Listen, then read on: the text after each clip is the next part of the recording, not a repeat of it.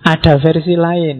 Seratnya namanya Purwocarito. Purwocarito itu yang nanti dari yang telur tadi, telur tadi ketika menetas kulit eh, kuningnya jadi manik moyo, putihnya jadi semar, ismoyo, dan kulitnya jadi togok, tejo mantri.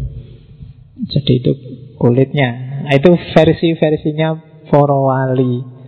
Dan di, di balik itu pasti ada visinya. Jadi mong, kamu kan nanti ada versi juga bahwa Semar itu ya Nabi Sis itu. Jadi Nabi Sis itu keturunannya Adam yang tidak kembar Adam itu punya anak 40 40 kali melahirkan Hawa itu dan kembar terus. Yang yang pertama tidak kembar ya Sis itu. Kalau di barat disebut set. Tulisannya set itu kan. Kalau di Jawa set itu kan jelek.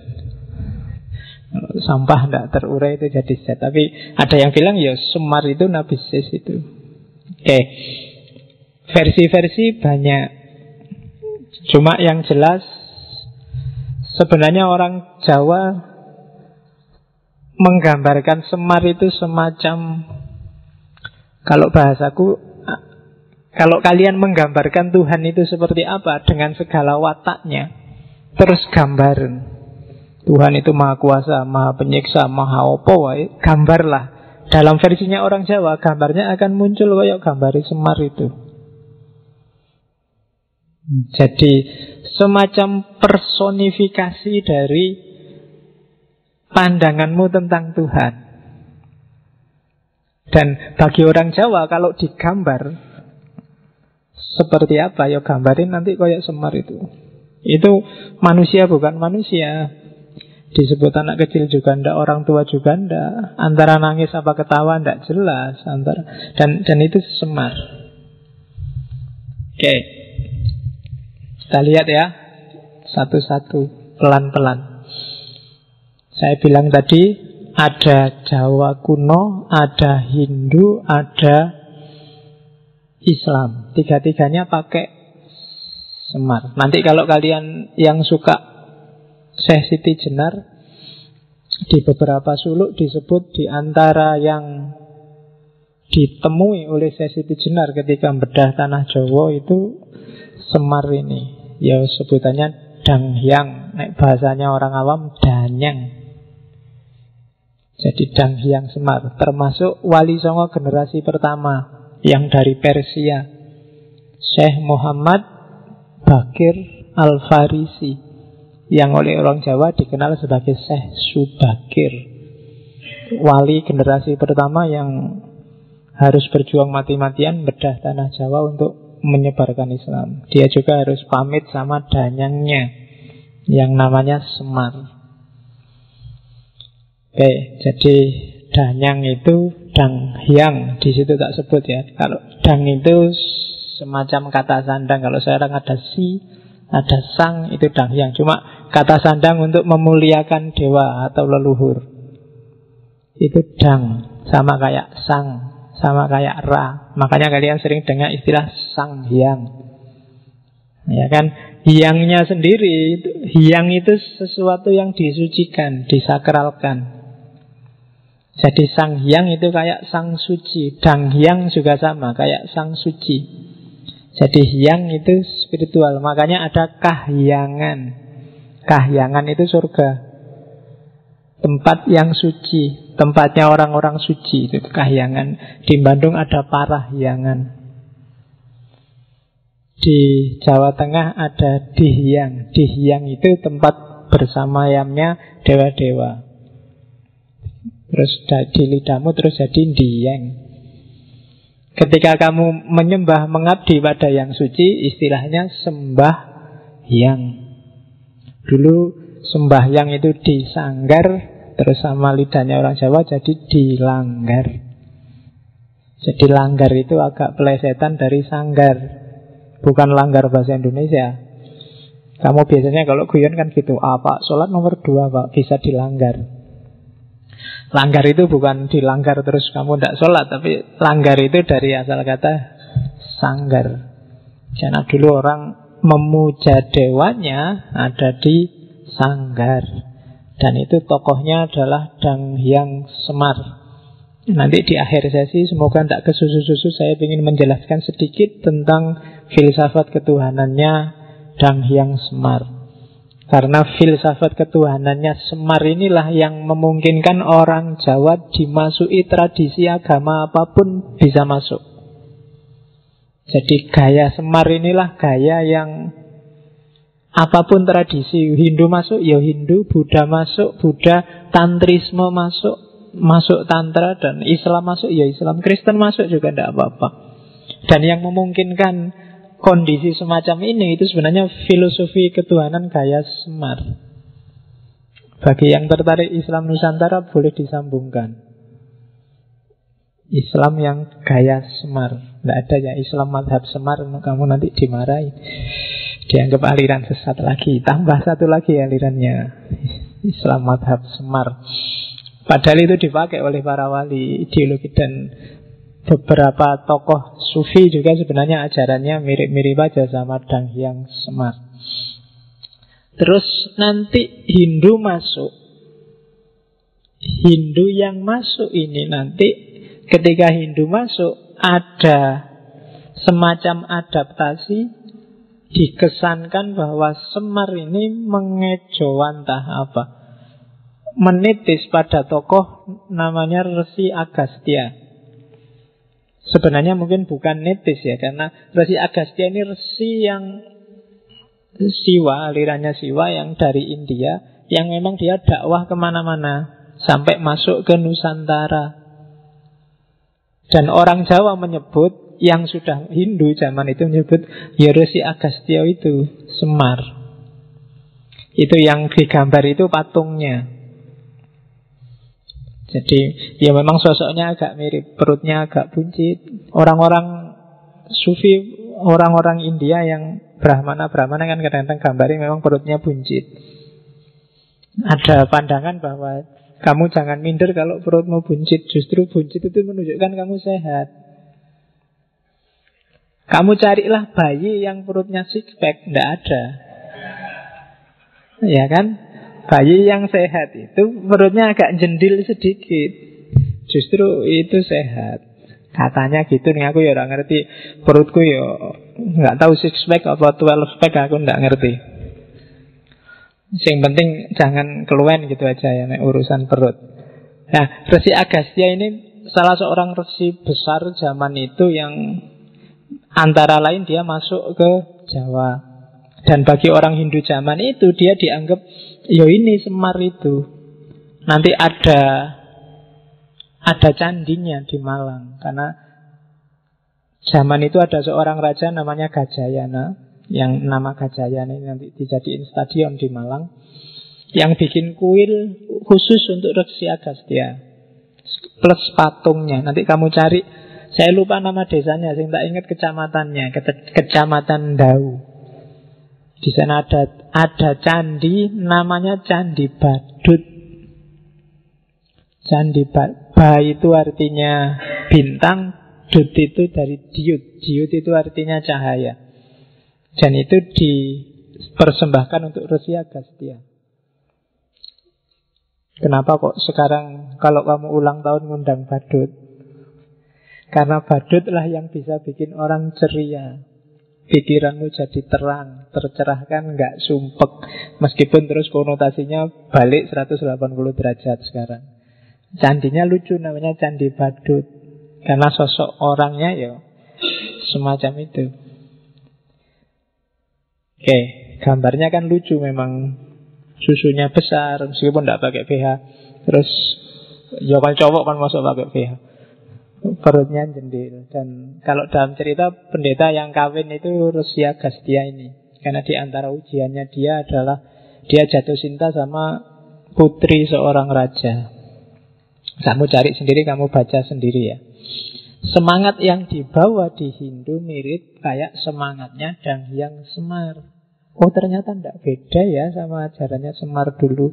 Kok dilihat dari sosoknya jangan-jangan ya ini Semar itu Nah itu Resi Agastya. Nanti nitis-nitis-nitis banyak dalam sejarah Termasuk di puncaknya sebelum Islam datang, Mojopahit. Ada seorang resi, kamu hanya kenal gelarnya, Sabdo Palon. Itu bagi orang Jawa zaman itu dia juga titisanis Semar. Karena ajaran-ajaran yang dibawa sangat mirip dengan itu. Nah, nanti selanjutnya Wali Songo datang.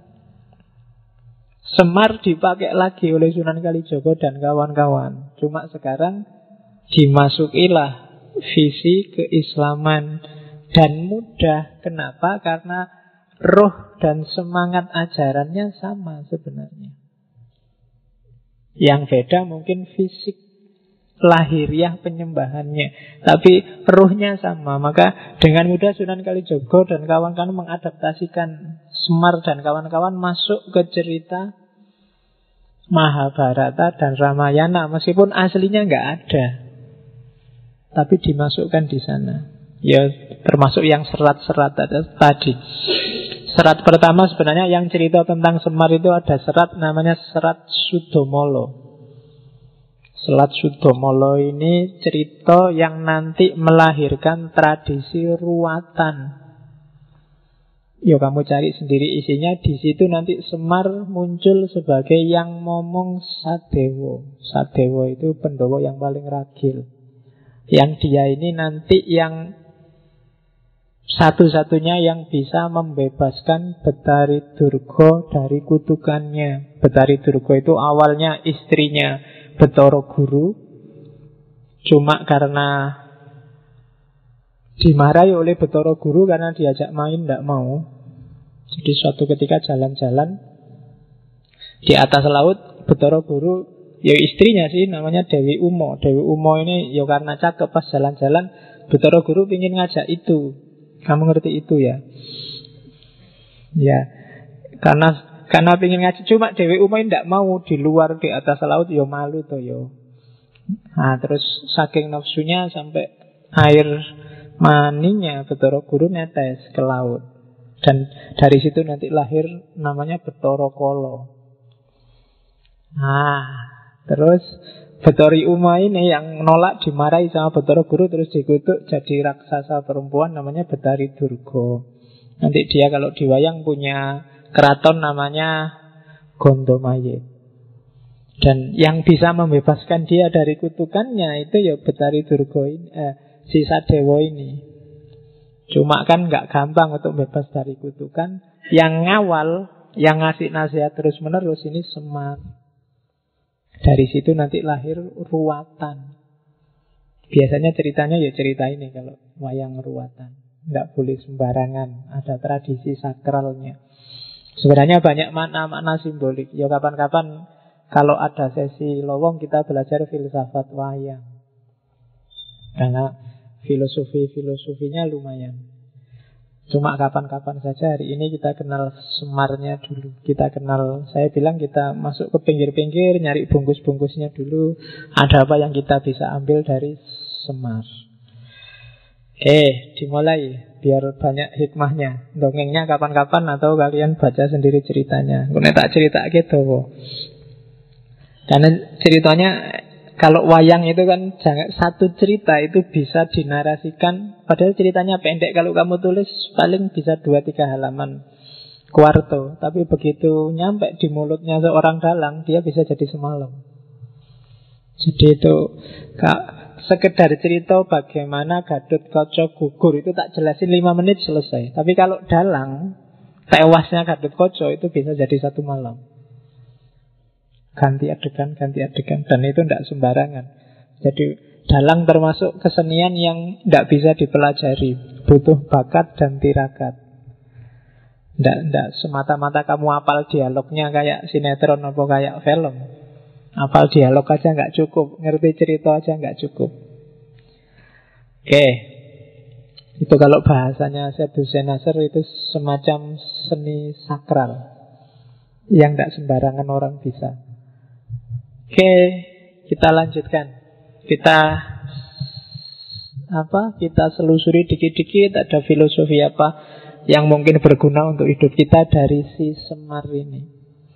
Saya bilang tadi, Semar adalah narasi, adalah deskripsi orang Jawa tentang seperti apa sih ketuhanan dan kebertuhanan itu. Kita awali dari namanya Semar. Ya, yes.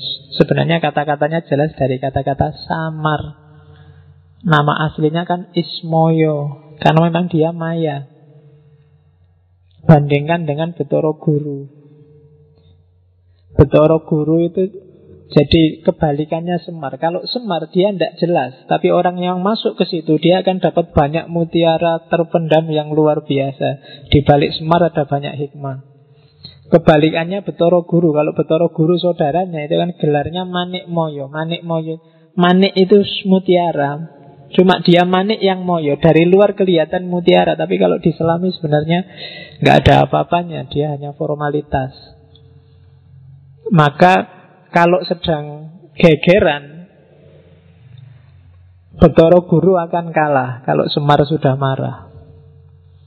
Jadi karena memang levelnya beda. Semar ini misterius. Kalau Betoro guru itu jelas, tegas. ABC-nya kelihatan. Mana halal, mana haram jelas. Tapi kalau semar ini misterius. Misterius itu kan lebih menarik Daripada yang jelas dan tegas Oke, kamu juga gitu Jangan jadi orang yang gampang ditebak Rotok misterius sidik gitu Kalau orang gampang ditebak itu cepat selesai Pacarmu juga cepat bosen Jangan mau gampang ditebak. Kalau kalau eh hati-hati lo pacarmu selingkuh. Alah, tenang aja nggak mungkin selingkuh. Aku sudah ngerti. A sampai Z dia itu tidak enak. Orang dikejar-kejar itu karena misterius. Begitu kamu selesai dan nggak misterius, nggak ada orang ngejar-ngejar kamu. Sudah jelas. Oke, Semar, Maya. Jadi Ismoyo. Orang selalu nebaknya salah kalau berhadapan dengan Semar. Dianggap A ternyata B, dianggap ketawa ternyata nangis, dianggap berdiri ternyata duduk, dianggap seneng ternyata susah, dianggap jadi maya. Oke, itu dari sisi sosok dia. Tapi dari sisi fungsinya dia sering disebut Bodronoyo. Bodronoyo, Kilurah Bodronoyo. Saya lupa di Facebook kelihatannya banyak yang pakai nama Bodronoyo. Meskipun ngerti karapi apa ndak aku ya ora paham.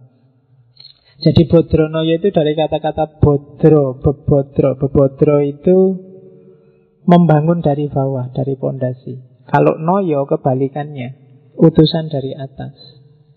Jadi Semar adalah sosok yang dari atas ke bawah sekaligus dari bawah ke atas.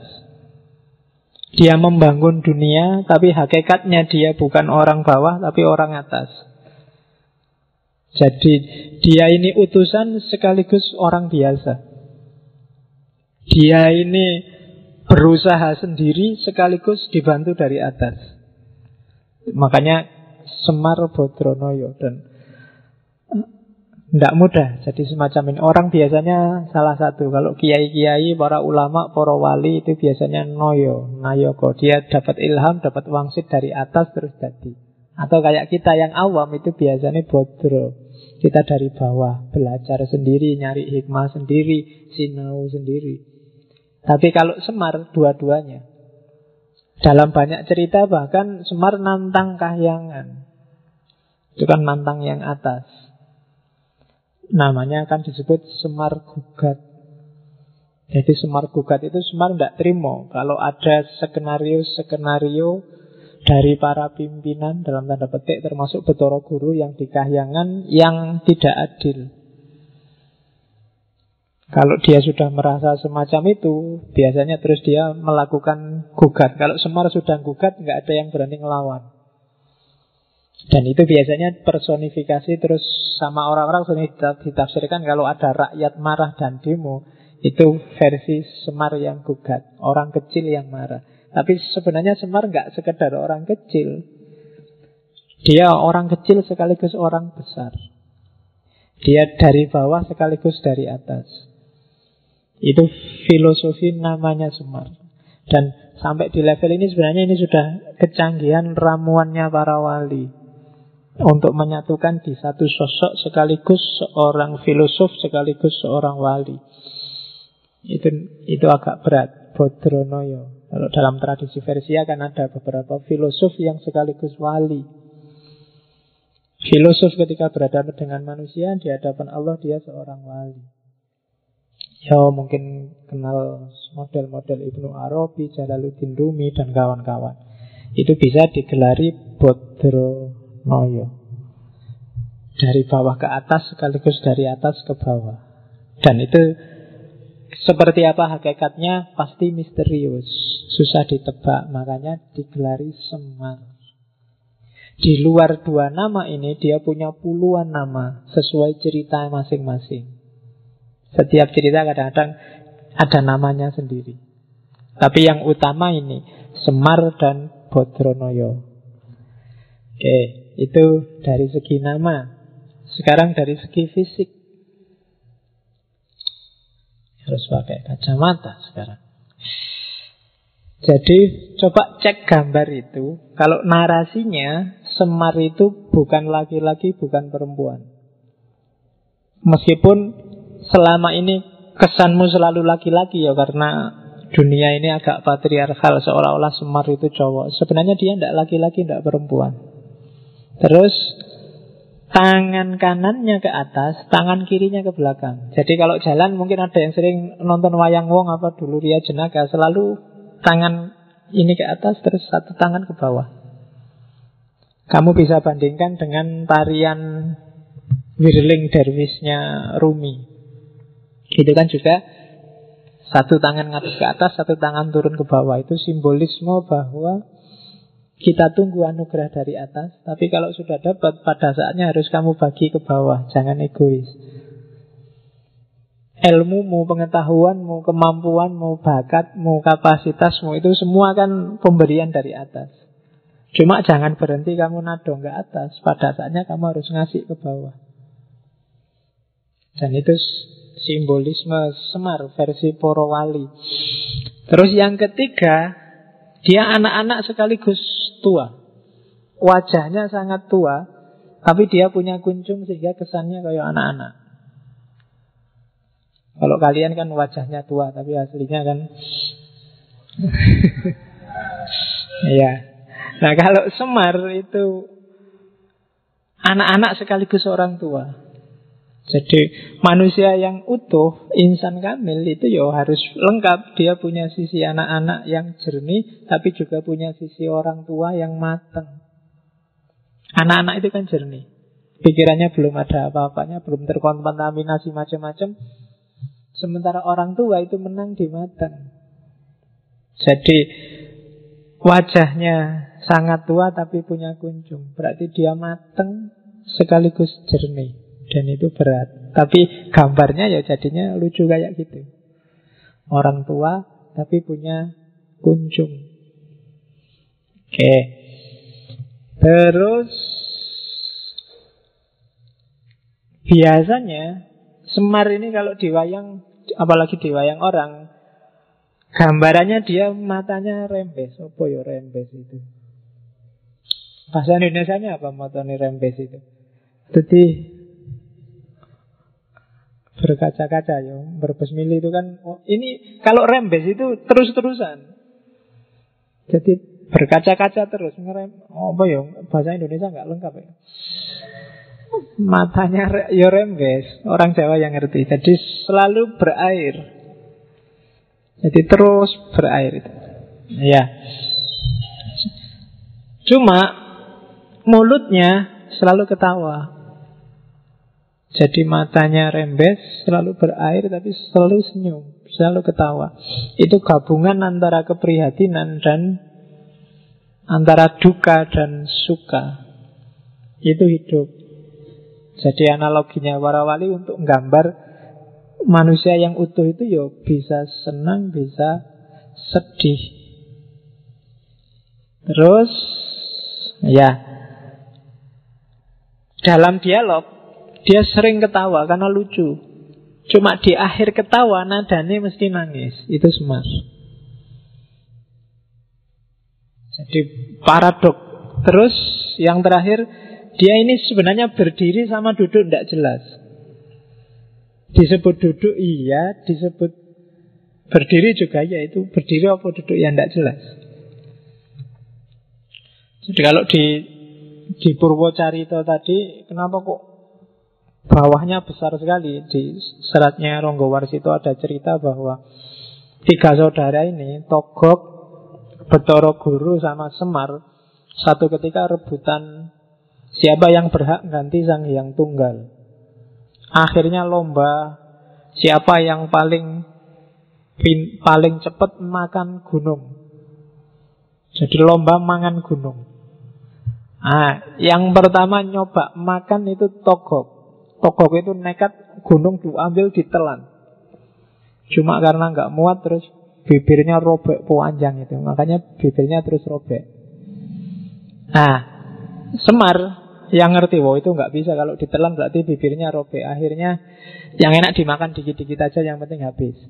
Dimakan dikit-dikit, cuma resikonya terus perutnya jadi ya besar luar biasa. Sebelum Betoro Guru ikut perlombaan ketahuan sama bapaknya terus dimarahi dan diusirlah ke bumi. Itu versi Islam Jawa tentang Semar.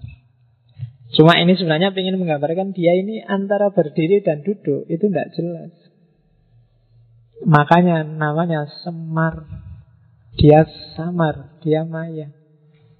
Setiap bagian dari dirinya itu sebenarnya simbol-simbol luar biasa. Dia punya banyak makna. Itu simbolisme fisiknya. Terus Semar sering digambarkan warnanya hitam.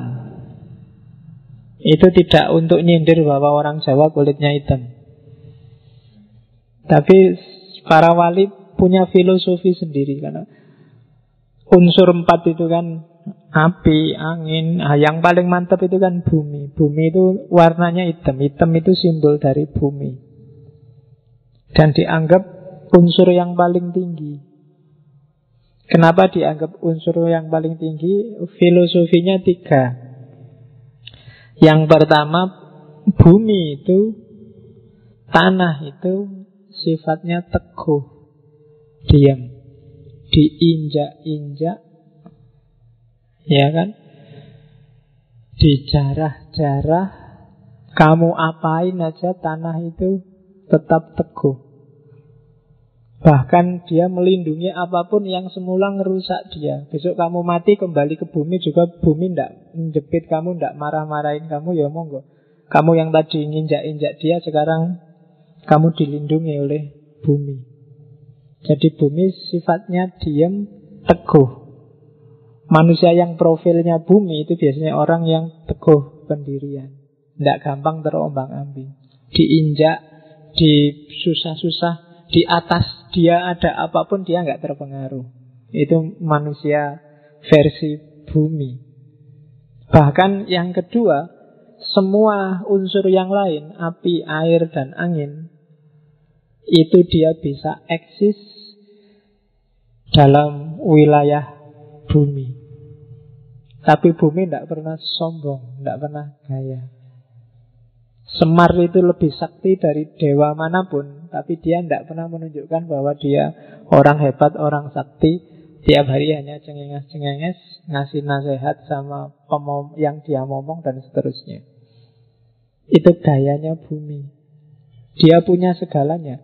Api bisa menyombongkan diri dengan kedahsyatannya, air dengan kekuatannya, apalagi angin. Tapi semua bisa eksis kalau ada bumi. Dan buminya sendiri nggak pernah pamer.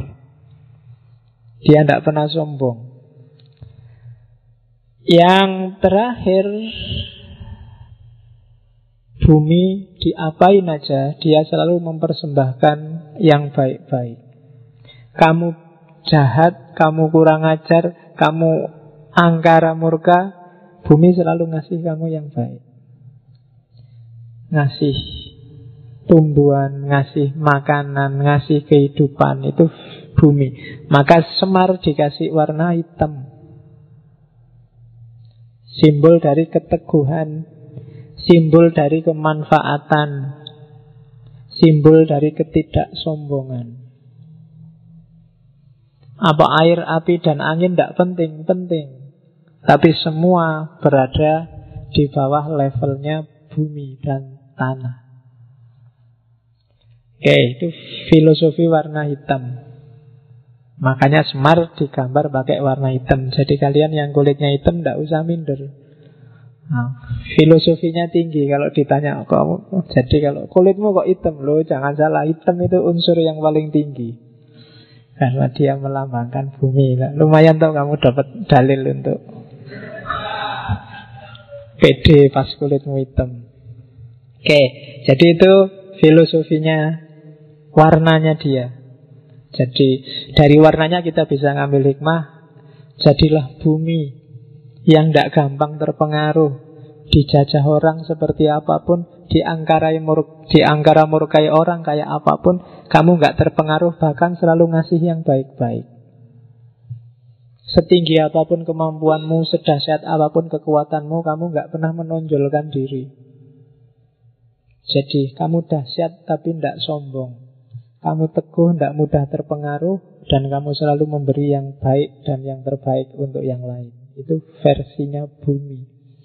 Dan bisa kamu ambil pelajaran dari sosoknya Semar. Oke, terus kelanjutannya.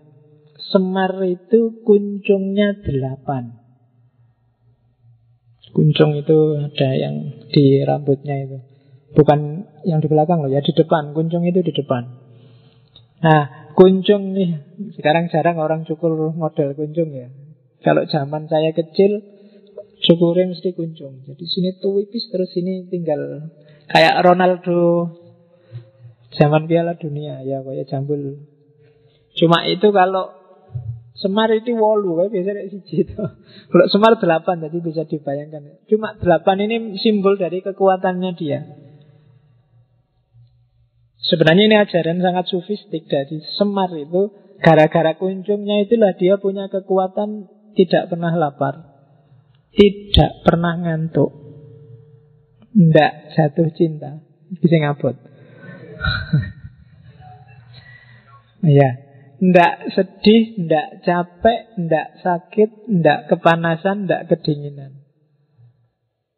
Ini sebenarnya mau bilang bahwa Semar tidak terpengaruh oleh apa pun di luar dirinya. Kayak minggu lalu kita belajar Krishna itu kan yang paling menonjol adalah jangan mudah terpengaruh oleh segala yang di luar dirimu. Lapar, ngantuk, jatuh cinta, sedih, capek, merasa sakit, panas, dingin itu kan segala yang di luar dirimu. Dan Delapan kesaktian ini, ini sifatnya tidak agresif, tidak ofensif. Jadi kalau kamu punya sekali pukul bisa mati, itu kan kekuatan ofensif. Menyakiti orang. Tapi kalau kamu punya delapan ini selesai. Tidak ada yang bisa ngalahin kamu termasuk para dewa.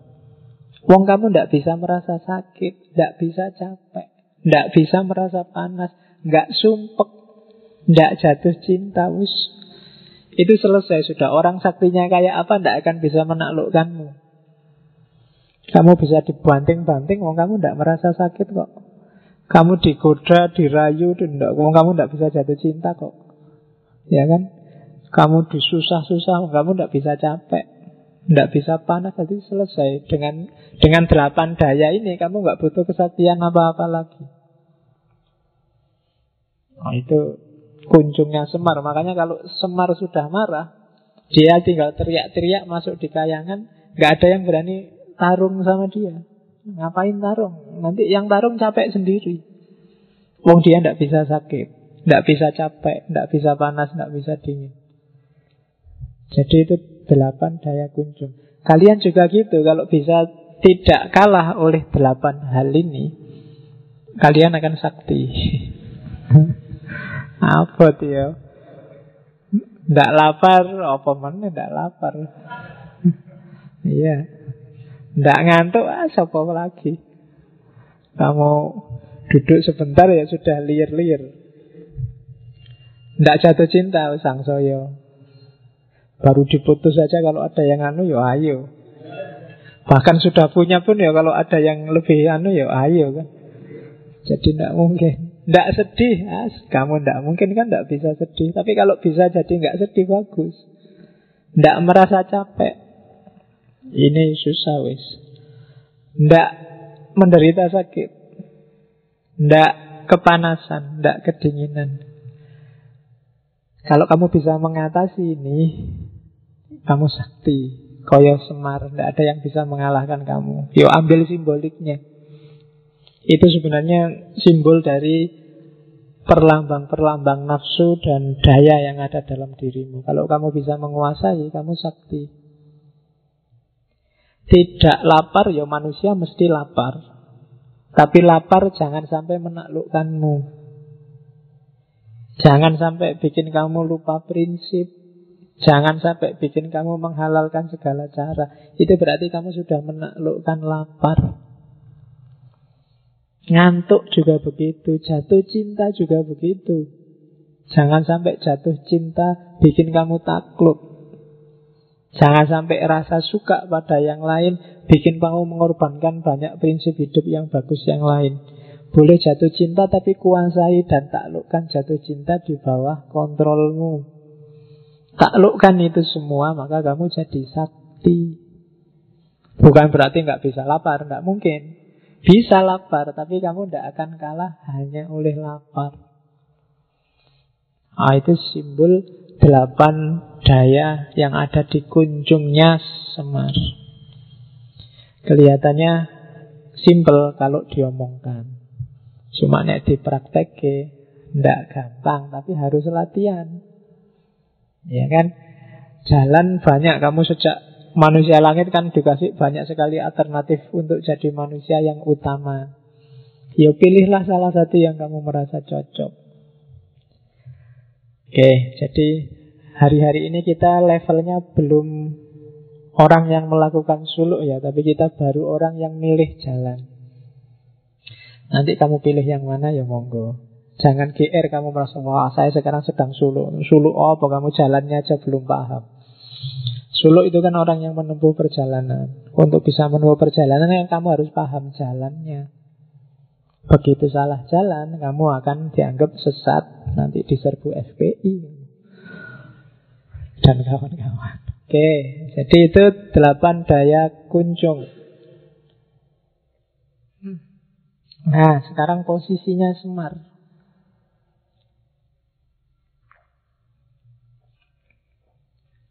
Yang pertama Semar.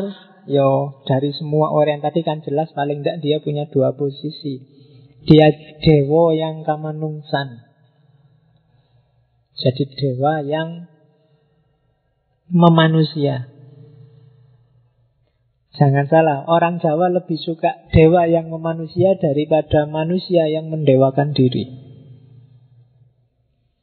Itu sebabnya Orang Jawa lebih suka Siwa daripada Wisnu. Kemarin cerita Krishna, Krishna itu kan Wisnu. Wisnu itu, Krishna itu kan manusia yang mendewa. Aslinya manusia, anaknya manusia biasa yang mendewa jadi dewa.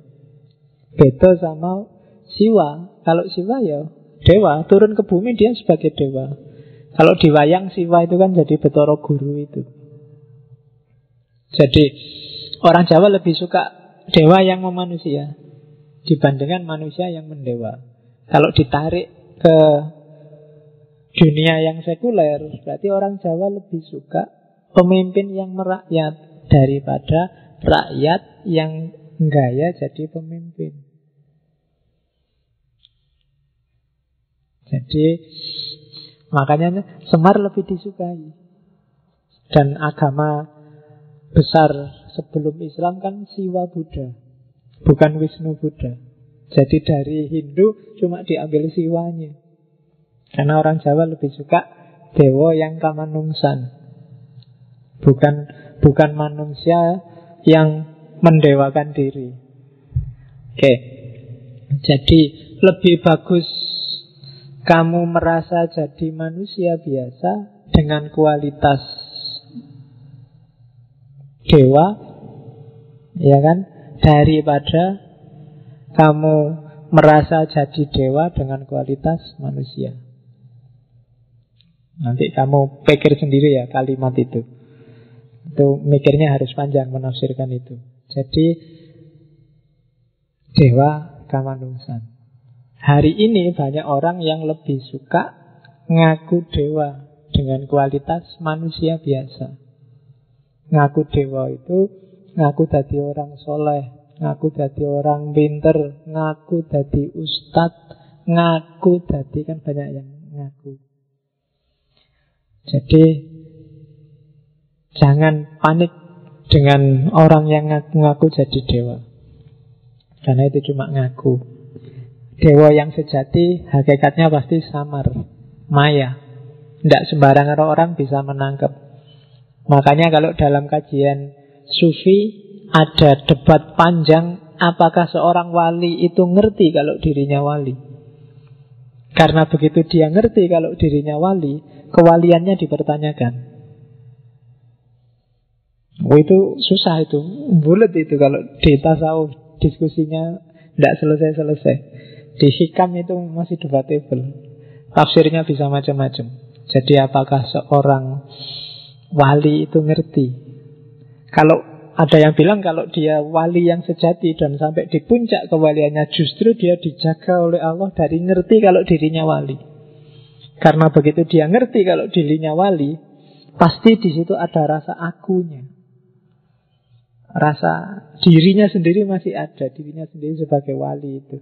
Dan itu semacam kesombongan. Dan kalau orang masih ada bibit itu, sebenarnya dia belum wali. Maka siapa pun yang merasa wali, pasti belum wali. Wow, itu susah itu ilmu nih. Kamu padahal sudah bercita-cita jadi wali sejak kemarin. Tapi kok ya teori ini berubah. Termasuk kalau kamu merasa jangan-jangan aku ini wali, Pak. Sepodo wae itu jenisnya. Jadi justru yang wali yang sejati nggak mikir ke situ. Jadi dia merasa orang yang paling kotor, orang yang paling jauh dari Allah, orang yang paling banyak dosa. Justru itu. Jadi semakin kamu mengklaim dirimu benar, paling dekat dengan Allah, paling bagus, paling soleh, itu alamat bahwa kamu belum di apa pun yang kamu klaim. Oke, yang kedua, Semar sebagai pon ponokawan ya. Kalau orang sering salah menyebutnya punokawan. Sebenarnya yang pas ponokawan. Pono itu artinya jernih. Visinya jelas.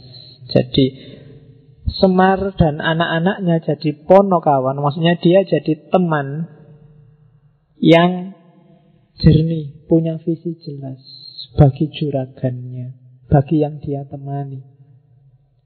Maka para pendowo itu punya ponokawan, dia punya teman yang mikirnya jernih.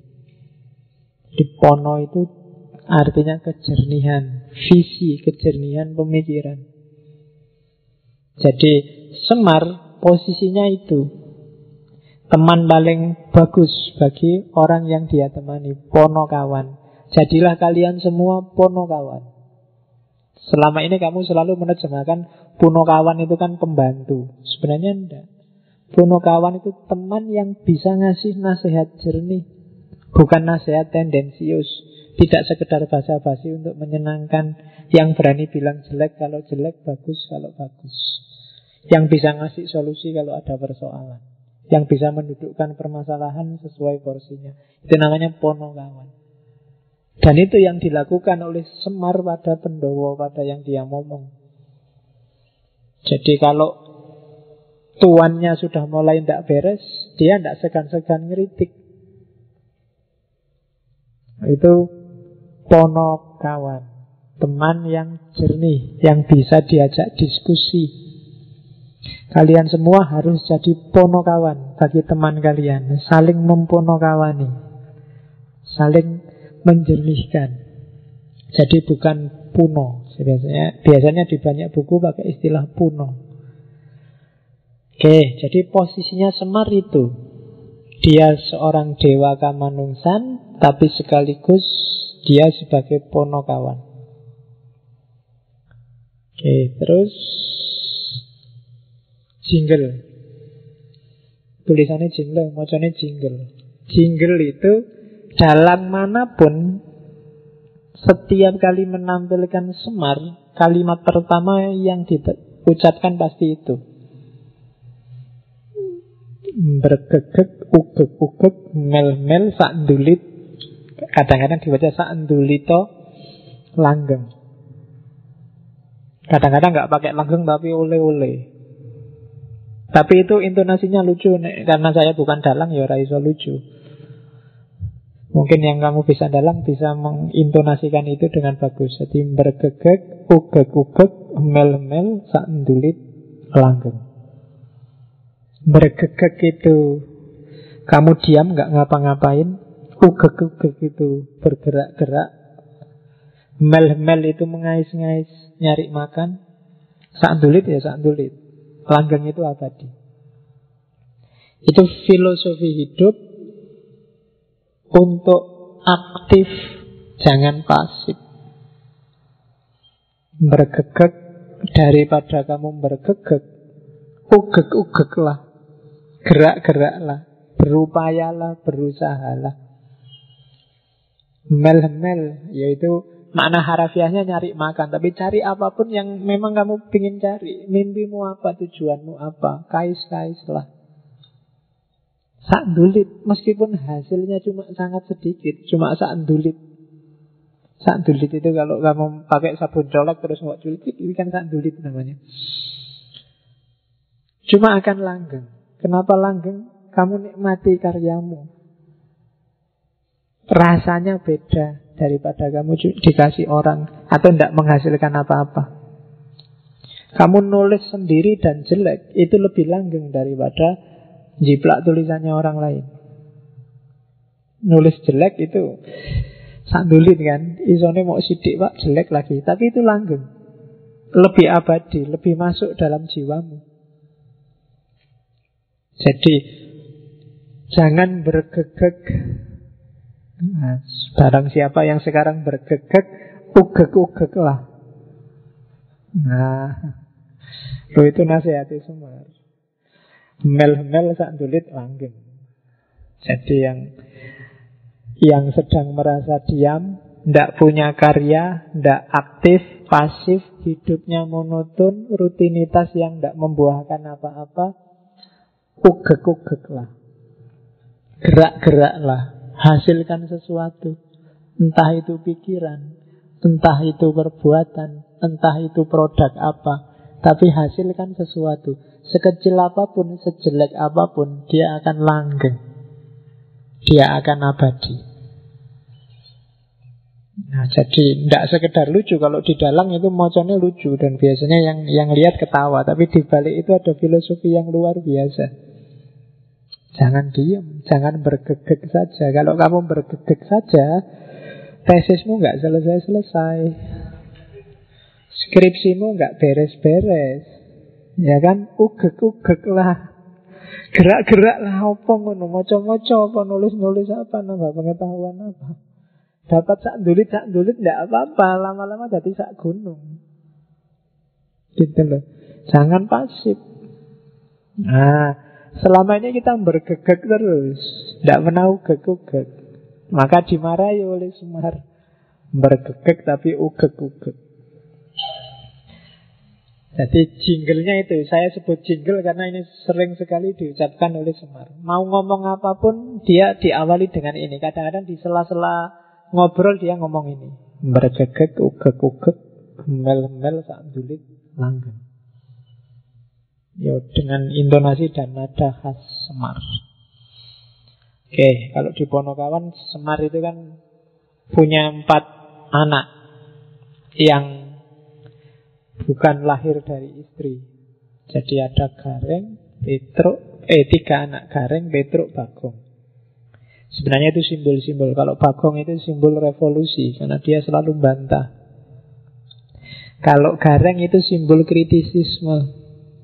Dia selalu mempertanyakan. Kalau Petruk itu simbol tidak terikatan oleh aturan, oleh pokoknya oleh dunia di level apa pun itu Petro. Yaitu ciptaannya para wali. Revolusi jadi bagong itu dari bahasa Arab sebenarnya bago. Bago itu kan semacam bangkang. Jadi oleh para wali ya semangat revolusi. Tadi ada Semar Gugat itu karakter bagongnya yang muncul. Meskipun kalau di Jawa hari ini di Indonesia bagong itu kan yang kamu bayangkan simbol orang yang gendut. Wah, gendut itu besarnya sak bagong. Nah, ya memang bagong ini kalau di wayang ceritanya dia lahir dari bayangannya Semar. Jadi Semar itu punya bayangan terus bayangannya karena Semar gendut, ya jadinya dia gendut. Kalau Petruk itu anak angkat, anaknya Raja Jin. Namanya Petruk. Makanya dia gelarnya Petruk lurah kantong bolong. Jadi kantong bolong itu ya Setelah bilang tadi dia nggak terikat oleh apa pun yang duniawi. Barang apa pun masuk ya karena kantongnya bolong ya hilang lagi, merosot lagi. Jadi nggak ada apa pun yang bisa mempengaruhi dia. Jadi Sekali-sekali kalau ada apa-apa kalian pakailah aji-aji kantong bolong. Aji-aji kantong bolong itu suka-suka orang mau nabrakin kita apa, mau ngasih kita apa, tapi kita cuek aja biar masuk telinga kanan, keluar telinga kiri. Itu aji-aji kantong bolong. Mungkin di momen-momen yang ketika kalian, ah itu tidak penting, ah itu tidak harus. Nah, itu penting. Hari ini kan banyak hoak, kamu ribut opo-opo, ada isu, ada gosip yang tidak jelas. Itu kadang-kadang pakailah jurusnya Petro kantong bolong. Jadi kalau besok kalau ada orang ngomong hoak ya kamu bikin aja komentar kantong bolong. Biar aja masuk tapi nanti akan keluar lagi. Jadi nggak harus dipikir serius. Nah, itu puno kawannya Pandowo. Gareng, Petro, Semar, Bagong. Terus kita masuk ke ajaran sekarang yang tadi di awal kan gambaran fisiknya. Filosofi yang kita ambil dari fisik. Jadi fisiknya saja punya makna filosofis yang luar biasa. Itu makanya kita tidak bilang sebenarnya sosok Semar itu ideal orang Jawa tentang ketuhanan dan kebertuhanan. Nah sekarang kita lihat ajaran-ajaran dan yang semar yang tadi berpengaruh di orang Jawa, baik melalui Hindu maupun melalui Islam. Banyak istilah yang kita dengar, khususnya di dunia Jawa, apalagi kita hidup di Jogja. Inti ajarannya ini dijadikan slogan di mana-mana adalah ojo dume eling sama waspodo.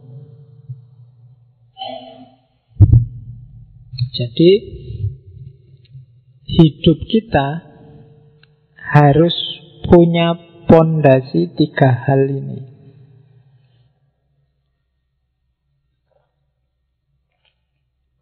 Ojo dumeh, eling, sama waspodo. Ojo dumeh itu sikap mental, Eling dan waspodo itu pikiran. Jadi ojo dumeh itu makna harafiahnya jangan mentang-mentang. Di level apa pun, perilaku, kata-kata, ucapan, bahkan termasuk kata hati, bersitan yang muncul di hati. Jangan mentang-mentang, ojo dumeh. Mentang-mentang cakep, terus gonta hati pacar. Nah, itu ojo dumeh. Mentang-mentang pinter, terus minteri kancane. Itu ojo dumeh. Mentang-mentang, banyak kan kamu. Bahkan kadang-kadang kan kamu jelek aja mentang-mentang. Ya kan, mentang-mentang jelek kayak ini kan. Gitu ada kan. Oke, mentang-mentang jomblo. Kan ada. Banyak loh kamu mentang-mentang itu. Kamu bisa nyari contoh sendiri sebanyak mungkin. Oke kan, kadang-kadang miskin aja kan mentang-mentang. Saya miskin loh, saya ini termasuk golongan orang yang tertindas loh saya ini. Ya mentang-mentang gitu, mentang-mentang miskin. Hati-hati, aja dumai. Jadi yang bisa mentang-mentang itu nggak cuma yang kaya. Jadi begitu kamu mer, kamu larut oleh kondisimu saat ini dan kamu jadikan dia modus untuk kepentinganmu yang sementara itu biasanya sudah dumai. Aja dumai. Betul. Mentang-mentang ndak lulus kuliah terus Nah, itu kan mentang-mentang. Ya kamu teruskan sendiri. Mentang-mentang jomblo kalau malam minggu terus ngapain gitu kan. Ya wis kamu rumuskan sendiri. Pokoknya aja mentang-mentang. Termasuk laki-laki dan perempuan. Kadang-kadang jangan salah, perempuan mentang-mentang juga ada. Mentang-mentang perempuan apa-apa pengen didahulukan. Kan ada ladies first, ladies first kan gitu. Meskipun ngantrinya telat kan ladies first minta pertama. Itu termasuk cowok juga begitu. Mentang-mentang cowok banyak sekali contohnya. Mentang-mentang santri mentang-mentang ikut ngaji filsafat sekarang ke mana-mana ngomongin filosofis-filosofis. Nah itu termasuk mentang-mentang baru ngerti satu dua wah ke mana-mana sudah berfatwa filsafat ojo dumai Oke, sejauh mana itu dumeh apa enggak kalian yang bisa ngukur. Karena ukurannya itu tidak bisa materinya, tapi sikap batinmu. Hal yang sama mungkin mentang-mentang di yang satu, tapi di yang satu sebenarnya enggak. Pinjam uang misalnya karena kamu tidak punya duit terus pinjam uang gayamu pinjam uang, sikap batinmu pinjam uang itu akan menunjukkan kamu mentang-mentang apa enggak. Termasuk ketika kamu ngutangi. Sikap batinmu ketika ngutangi temenmu itu bisa beda antara kamu mentang-mentang dan enggak mentang-mentang. Yang ngerti kamu sendiri. Jadi ojo dumai. Yang kedua, gimana caranya Pak biar saya enggak dumai? Iling. Selalu hadirkan Tuhan dalam hidupmu. Selalu hadirkan yang sejati di kepalamu. Kalau dia hadir terus, biasanya kamu terhindar dari dumai. Lawan paling gampang dari dumai itu ikhlas. Dan untuk bisa ikhlas, kamu harus eling Selalu hadirkan Allah setiap mau mengambil keputusan. Selalu masukkan dia di hatimu dan di kepalamu. Itu namanya orang eling. Eling itu kalau dalam konotasi Jawa tidak sekedar kamu ingat dia ada, tapi dia berpengaruh dalam hidupmu. Misalnya kamu ingin membela agama terus kamu mukul orang ngeprok-ngeprok toko kalau ditanya, nih, mbok ingat Allah, mesti ngomong, ini karena saya ingat Allah, ingin belok Allah. Tapi itu ingat dan belok Allah hanya di mulut. Allah tidak hadir dalam hidupmu karena nggak mungkin Allah semacam itu. Ketika kamu mencaci maki misalnya, lah orang yang nggak cocok alirannya sama kamu. Ketika kamu maki-maki ini, meskipun kamu merasa ini demi Allah, ini demi kejayaan agama, tapi perilakumu tidak menunjukkan bahwa kamu sedang eling. Karena kalau kamu eling, kamu tidak mungkin berani maki-maki. Kamu tidak mungkin berani mukul-mukul, tidak mungkin berani melecehkan orang. Kamu akan malu. Kenapa ada Allah dalam hidupmu? Jadi itu gunanya eling. Ojo dumeh, eling, terus yang ketiga waspodo. Waspodo itu hati-hati, tidak sembrono. Kenapa harus waspodo? Jangan-jangan yang kamu tadi eling, yang kamu lakukan tidak cocok. Bikin malu kalau ketahuan sama yang kamu eling tadi. Maka hati-hati. Jadi ah sekali-sekali tidak sholat nggak apa-apalah, oh, nggak ada yang cerewet ini, tapi nggak enak ya. Katanya, ah kan itu eling dan waspodo. Jangan-jangan hanya gara-gara salah kecil ini terus Allah tidak berkenan, terus Tuhan tersinggung, marah sama aku, susah nanti. Itu waspodo namanya. Jadi eling dan waspodo itu biasanya satu paket. Orang yang tidak waspodo biasanya gampang kehilangan elingnya. Orang yang selalu eling itu biasanya cenderung untuk waspodo. Jadi ojo dumeh, eling dan waspodo. Itu yang jadi basis ajaran kalau di filsafat Jawa biasanya dikonotasikan sama Semar. Oke, terus sikap mentalnya apa yang utama? Itu ada tiga. Tadah, peradah, dan yang ketiga ora wegah. Tadah itu sikap mental yang Dikasih apa aja aja ndak apa-apa. Ndak komplain, ndak mengeluh. Selalu bersyukur. Itu namanya tada. Jadi kalau di agama mungkin semacam kona ah itu tada. Dikasih apa aja ya. Dapat sedikit alhamdulillah, dapat banyak alhamdulillah. Alhamdulillah Pak, saya malam ini ngaji tidak ngerti apa-apa belas. Itu, Alhamdulillah tidak apa-apa. Itu namanya tada. Berarti Allah belum mengizinkan saya ngerti sesuatu. Mungkin memang belum waktunya. Alhamdulillah, itu tada. Alhamdulillah Pak, saya sudah lulus tiga tahun yang lalu. Cuma pacar belum dapat-dapat. Tidak apa-apa. Tada. Mungkin Allah belum mengizinkan aku dapat pacar. Mungkin dengan jomblo aku bisa lebih dekat sama Allah. Wow. Ya apa-apa lo kan bisa digiring ke sana. Itu tada. Terima kasih ya Allah. Kamu tidak ngasih aku kesempatan untuk banyak dosa dengan jomblo misalnya. Lo itu tada namanya. Jadi tidak ada yang tidak bisa disyukuri. Bagi orang yang punya sikap mental tada. Dapat E. Alhamdulillah dapat E. Berarti aku harus belajar lagi. Memang aslinya aku belum ngerti apa-apa sih kalau dikasih A malah keliru.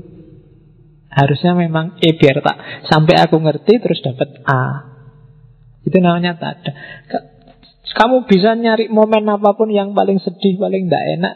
Tapi kalau sikap mentalmu tada, tidak ada yang bikin kamu sedih. Kamu akan selalu bersyukur. Alhamdulillah dikasih sakit Berarti oleh Allah disuruh istirahat Allah berarti masih sayang Ada kesempatan ngurangi dosa Ada banyak Tergantung sikap mental Tapi kalau sikap mentalmu penuntut dan pengeluh Dapat apa saja Kamu akan nuntut dan ngeluh kamu lulus kumlot aja kan mengeluh. Buat apa pak kumlot? Yang penting itu kan besok dapat kerja apa ndak. Apa sih gunanya kumlot? Lu kumlot itu lo mengeluh. Iya kan? Kamu sudah dapat kerja juga ngeluh Pak kerja kayak gini hasilnya nggak seberapa Pak. Paling cukup buat makan lah. Kalau besok mau punya istri punya anak Dikasih apa Pak? Ngeluh. Lo itu sudah dapat kerja. Apalagi kalau kamu nggak dapat kerja. Yang salah bukan dapat kerja atau enggak, kumulot apa enggak, tapi sikap mentalmu yang keliru. Maka katanya Semar harus tadah. Tidak ada yang nggak bisa diambil hikmahnya, tidak ada yang nggak bisa disyukuri. Itu sikap mental. Yang kedua, perada. Berhadapan dengan yang atas tada, dengan horizontal lingkungan sekelilingmu itu perada. Mentalmu adalah mental memberi. Jangan punya mental minta-minta dan mudah menerima. Kalau di agama, tangan di atas lebih baik daripada tangan di bawah. Itu perada. Memberi nggak harus uang, ngasih nggak harus sesuatu. Minggu lalu kan di Krishna itu bahkan senyum pun sodako Prada. Apa yang kamu punya kasih ke orang lain. Yang tehnya masih ada, sebelahnya sudah kosong gelasnya boleh teh mas. Nah, kalau temennya nggak malu kan, ya sini tak ambilnya gitu. Tidak apa-apa, itu namanya perada. Jiwanya jiwa sosial. Jadi kalau sama Allah menadahkan tangan, sama lingkungan sekeliling ngasih. Sama Allah tangan di bawah, sama manusia yang lain tangan di atas. Jangan dibalik. Sama Allah kamu tangan di atas, jadi Allah itu kok perintah terus tiap hari. Ya Allah saya kumlot loh ya. Ya Allah pacar cantik loh ya. Ya Allah, ya Allah diperintahi tiap hari. Sama Allah kamu tangan di atas. Sama manusia kamu tangan di bawah. Pak, mohon kebijaksanaannya, Pak. Pak, mohon kuali. Jadi sama Allah itu tada, sama manusia yang lain perada. Dan yang ketiga, ojo males ora wegah. Sumber sumber persoalan saya sering bilang itu males. Jangan males. Tidak usah milih-milih pekerjaan. Kadang-kadang kamu nyembelikan Allah bikin kayak gitu aja nanti. Besok kalau sudah mau waktunya digarap sebentar aja selesai. Itu biasanya terus jadi sumber masalah. Ah jatahku presentasi masih lama Besok aja kalau deket Itu biasanya terus masalah Karena waktunya kamu bikin hmm, Printernya error Waduh listriknya mati Waduh Itu salahmu dewe karena kamu selama ini males ora wegah, jangan wegahan. Kalau bisa dikerjakan hari ini, kerjakan hari ini. Jangan ditunda-tunda. Besok ngerjain yang lain masih banyak. Faidah faroh tafan sop kan katanya agama gitu. Kalau selesai ganti kerjaan yang lain masih banyak. Tidak mungkin manusia itu nganggur. Jadi kalau ingin jadi manusia utama, kalian harus punya sikap mental utama. Sikap mental utama itu apa? Tadah, peradah, terus ora wegah. Oke. Terus ada empat pilar ajarannya dari naskah-naskah yang ngomong tentang Semar. Saya tidak akan jelaskan detail satu-satu ya panjang lebar, tak jelasin sekilas-sekilas. Beberapa kalian sudah paham. Yang pertama Sering sekali disebut manunggaling kawulo gusti. Hakikatnya saya sebut itu setara karena konsepnya mirip dengan ittihad, hulul, wahdatul wujud, fana dan bako. Ittihad itu dari dari bawah ke atas. Jadi ittihad itu usaha seorang hamba untuk menyatukan diri dengan Tuhan. Jadi bersatu. Kalau sudah bersatu ya biasanya manusianya hilang. Kancanya itih, lawannya itihad itu hulul. Kalau hulul dari kata-kata hal. Kebalik, kalau hulul Tuhannya yang masuk ke dalam diri manusia. Tuhan merasuki manusia.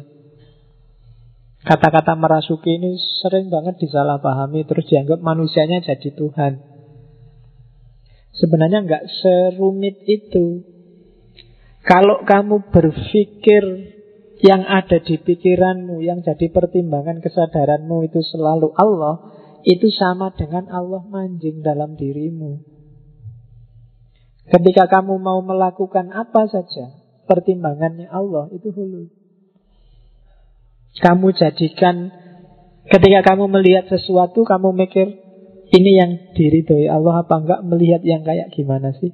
Ini ngomong yang menurut Allah baik kayak gimana sih? Ini bersikap pada teman yang menurut Allah baik kayak gimana sih? Bersikap pada guru yang menurut Allah baik kayak gimana sih? Kalau hidupmu modusnya semacam ini, itu sama dengan Allah bertempat dalam dirimu. Jadi tidak harus roh sama roh, rohnya manusia sama rohnya Allah jalin bersatu terus wahdatul wujud terus sesat terus kafir-kafiran. Tidak. Jadi persatuan terjadi ketika modus hidupmu adalah modus hidupnya Allah. Berarti kamu sekarang sudah jadi manusia Allah, manusia langit. Karena orientasimu selalu ke atas. Nah itu gampang-gampangannya itu. Dan orang yang bisa menghayati kehadiran Allah dalam hidupnya ini, bisa kamu sadari, kamu hayati, itu rasanya nikmat luar biasa.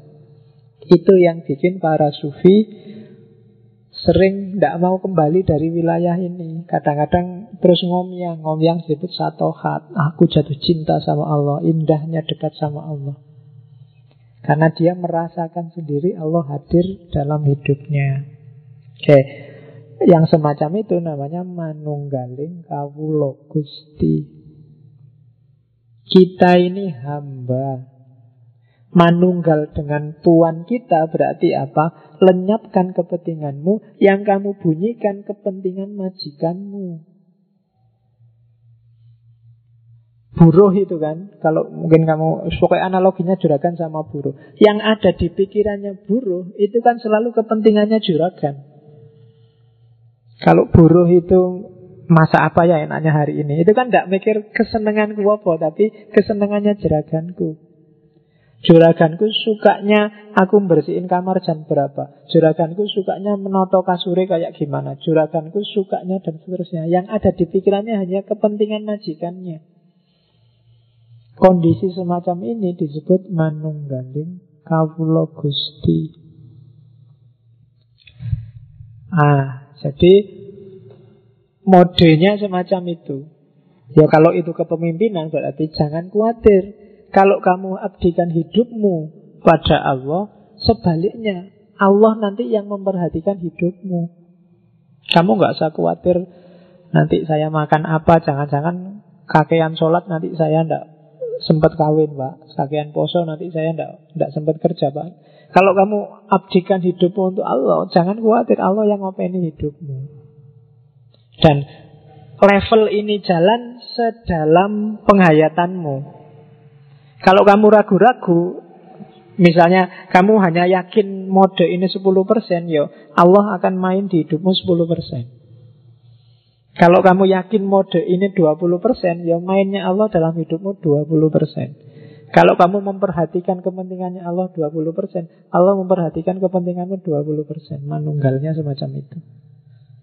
Kalau kamu bisa 100% lebur, maka kamu jadi manusia langit, manusia Allah. Itu manunggaling kawulo gusti. Oke, itu kalau di kitab-kitab biasanya jelimet. Sebenarnya maknanya simpel. Pakai analogi tadi Juragan sama pembantu Terus pilar yang kedua Jadi ajaran yang pertama ngajarin kita bahwa Persembahkan hidupmu secara total hanya untuk Allah. Manunggalkan hidupmu dengan Allah. Itu manunggalin kawulo gusti. Inna sholati wa nusuki wa mahyaya wa mamati lillahi robbil alamin. Persembahkan hidupmu, ibadahmu, hidup matimu hanya untuk Allah. Oke, yang kedua Jadi hiduplah dengan kesadaran manunggaling kapulo gusti Kesadaran bahwa semua makom hidupmu itu adalah ibadah Karena kamu sedang manunggal dengan Tuhan Bahkan ada cerita Semar itu 100% hidupnya adalah sembahyang. Itu manifestasi dari inna sholati tadi. Jadi sembahyang sholat itu tidak cuma di masjid kayak gini. Ketika kamu naik motor, ketika kamu belajar, ketika kamu sekolah, ketika kamu di kamar mandi, itu sebenarnya manifestasi persem, persembahkan semua itu hanya untuk Allah. Kalau di fikih, semua aktivitas kita harus ibadah. Berarti dipersembahkan untuk Allah. Berarti modusnya adalah kamu carilah Allah ridho yang kayak gimana. Sehingga di situ terus positioningnya kamu harus cari ilmu biar ngerti mana yang diridhoi Allah, mana yang tidak. Putar-putarannya nanti di situ. Yang kedua, sadarilah sangkan paraning dumadi. Hakikat hidup ini dari mana dan mau ke mana. Itu namanya sangkan paraning dumati keberadaan manusia di dunia ini dunia ini namanya alam madyo sebelum kita hidup sekarang ada alam purwo hidup yang akan datang namanya alam wusono jadi roh kita itu sebenarnya menempuh perjalanan yang sangat panjang. Hari ini kita ada di level perjalanan fase tengah-tengah. Karena sebelumnya ada, sesudah nanti ada. Maka di Jawa dikenal Orepiku koyok wong mampir ngombe. Sekedar mampir sebentar terus melanjutkan perjalanan lagi. Jadi kayak kalian pulang kampung di tengah jalan mampir di warung. Ah itulah dunia. Jadi berarti dunia ini bukan asalmu juga bukan tujuanmu. Jangan sampai kamu menjadikan dunia saat ini sebagai tujuan. Karena begitu kamu jadikan tujuan, kamu sedang keluar dari jalur sangkan paraning dumadi. Innalillahi wa inna ilaihi roji'un. Itu kan dari Allah dan untuk Allah. Kita akan kembali ke sana. Jadi modelnya melingkar. Itu yang disebut sangkan paraning dumati Kita dari Allah dan akan kembali ke Allah. Jangan sampai Kita nyeleweng Kita ngambil jalur yang nanti tidak nyampe ke sana Jadi perjalanan kita menuju ke sana Hanya mampir ngombe minum sebentar terus melanjutkan perjalanan lagi. Maka jangan terlalu diambil hati dunia ini. Katanya orang-orang kejawen ya dunia biarkan jalan apa adanya, ambil secukupnya untuk bekalmu. Karena perjalanan masih jauh. Kalau terlalu kamu ambil hati, ya bisa-bisa hatimu tertambat di dunia ini, padahal perjalananmu masih panjang. Ketika hatimu tertambat oleh dunia, kalau bahasanya filsafat Islam, nafasmu tidak bisa mutmainnah. Padahal hanya nafsul mutmainnah yang bisa irji'i ila robbiki. Jadi itu teori sangkan paraning dumati. Oke, saya agak cepet-cepet ya nanti biar kena semua. Oke, terus. Ya nanti yang nggak terlalu paham diulang lagi rekamannya. Karena ini ilmu yang tidak bisa dikejar hanya pakai akal. Harus dihayati. Jadi dokumen yang tidak cukup dipahami Tapi harus direnungkan. Paham gampang. Di atas paham kamu harus bisa merenungkan. Setelah kepegang Direnungkan itu berarti dicari relevansimu dengan kehidupanmu sehari-hari Kalau sudah ketemu hasil renungan Jalankan implementasikan, lakukan itu. Dari situ kamu akan ketemu kemuliaan, pencerahan. Sama kayak Al-Quran. Al-Quran itu ya memang harus dibaca. Tapi di atasnya baca ada dipahami. Cuma jangan sekedar dipahami. Kalau kamu pahami, jangan-jangan pemahamanmu berhenti di abad ke-6. Kamu renungkan Direnungkan itu cari relevansinya sama hidupmu. Kalau sudah ketemu itu, berarti kamu sudah bisa ngambil petunjuk dari Al-Quran. Implementasikan. Sama kayak sastra-sastra Jawa. Ilmu kayak gini kan kalau di Jawa sering disebut sastra ceto. Atau sastra ceto itu sastra yang tidak ada tulisannya. Kamu membacanya harus lewat realitas kehidupan sehari-hari. Sering disebut sastro jendro hayuningrat. Kalau zaman dulu anak-anak muda kayak kalian dianggap tidak mungkin bisa paham sastra jendro. Paham bisa, tapi menghayati tidak akan bisa. Paham itu berarti ngerti karpe, tapi ngelakoni nggak mungkin bisa karena di Jawa ilmu itu kelakoni ganti laku. Maka tantangannya adalah patahkan mitos bahwa hanya orang-orang tua yang ngerti sastra jendro. Kalian yang muda sebenarnya ya bisa, Asal mau. Mau ini yang abot. Godaannya oke. Kamu selalu diiming-imingi oleh Besok kerja apa? Besok dapat pacar apa enggak? Pacarnya jelek apa enggak? Terus bisa kaya apa enggak Bisa beli mobil apa enggak Kurang punya rumah apa enggak Dan seterusnya. Itu yang yang sering bikin kamu terhalang. Jadi hijabnya dunia. Bahkan hari ini kayak ramalannya Nabi, hijabnya bahkan muslim yang lain. Al-Islamu mahjubun bil muslimin. Gara-gara orang Islam kamu tidak paham Islam yang benar itu kayak gimana. Karena kamu selalu kejebak Loh jangan-jangan Islam yang itu. Oh jangan-jangan Islam itu Islam yang ini kayak, kayak selalu gitu Kamu kejebak stereotip-stereotip Mainstream-mainstream Sehingga kamu lupa kesejatiannya Islam Oke, terus pelajaran ketiga Dari sosok Semar adalah kasedan jati. Ini dari akar kata sedo. Sedo itu mati.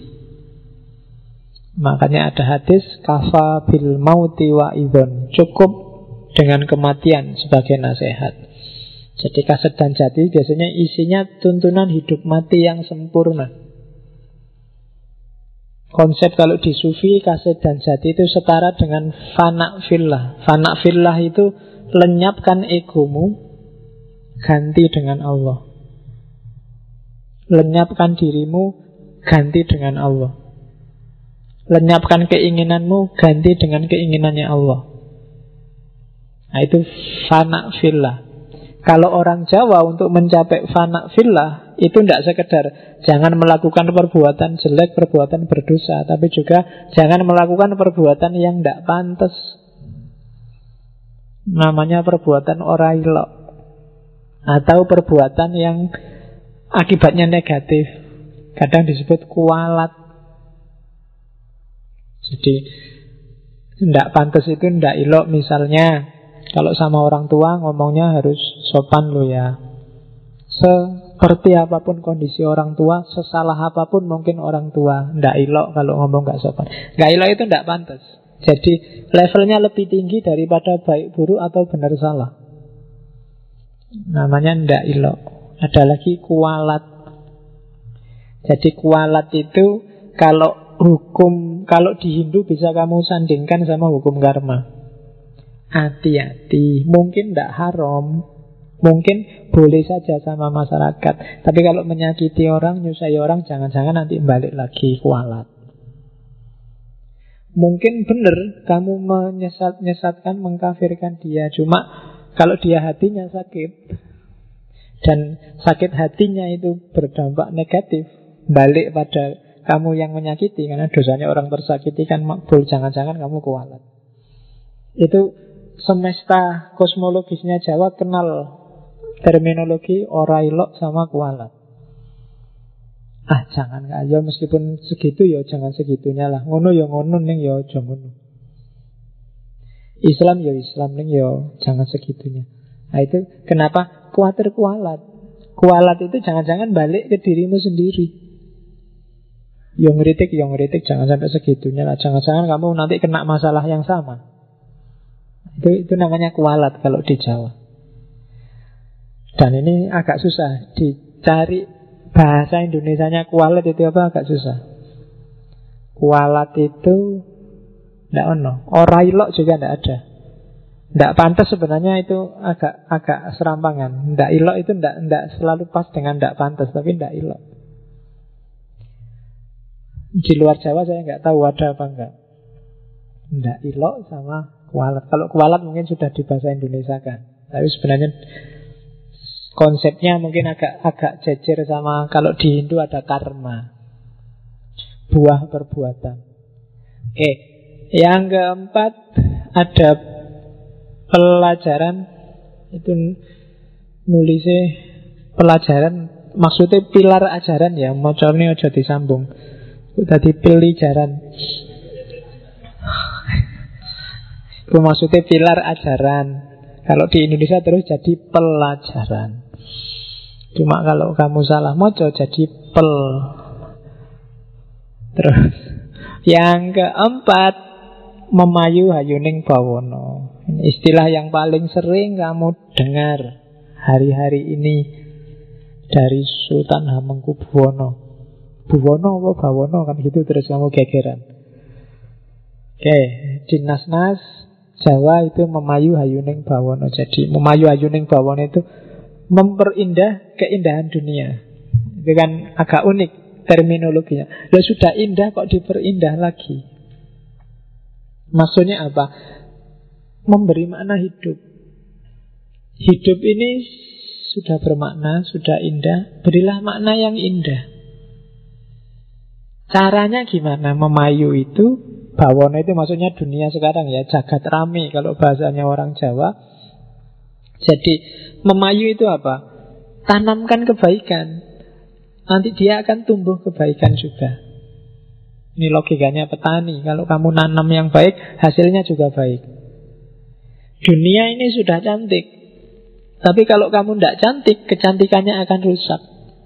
Maka percantiklah dunia yang sudah cantik ini. Caranya apa? Berbuatlah baik. Kalau kamu berbuat baik, dunia ini akan semakin cantik. Karena buah perbuatan baikmu adalah kebaikan juga.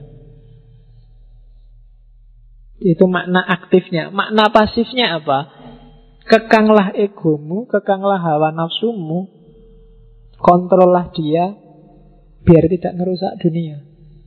Karena yang merusak dunia itu biasanya ya nafsu, hasrat, ambisi.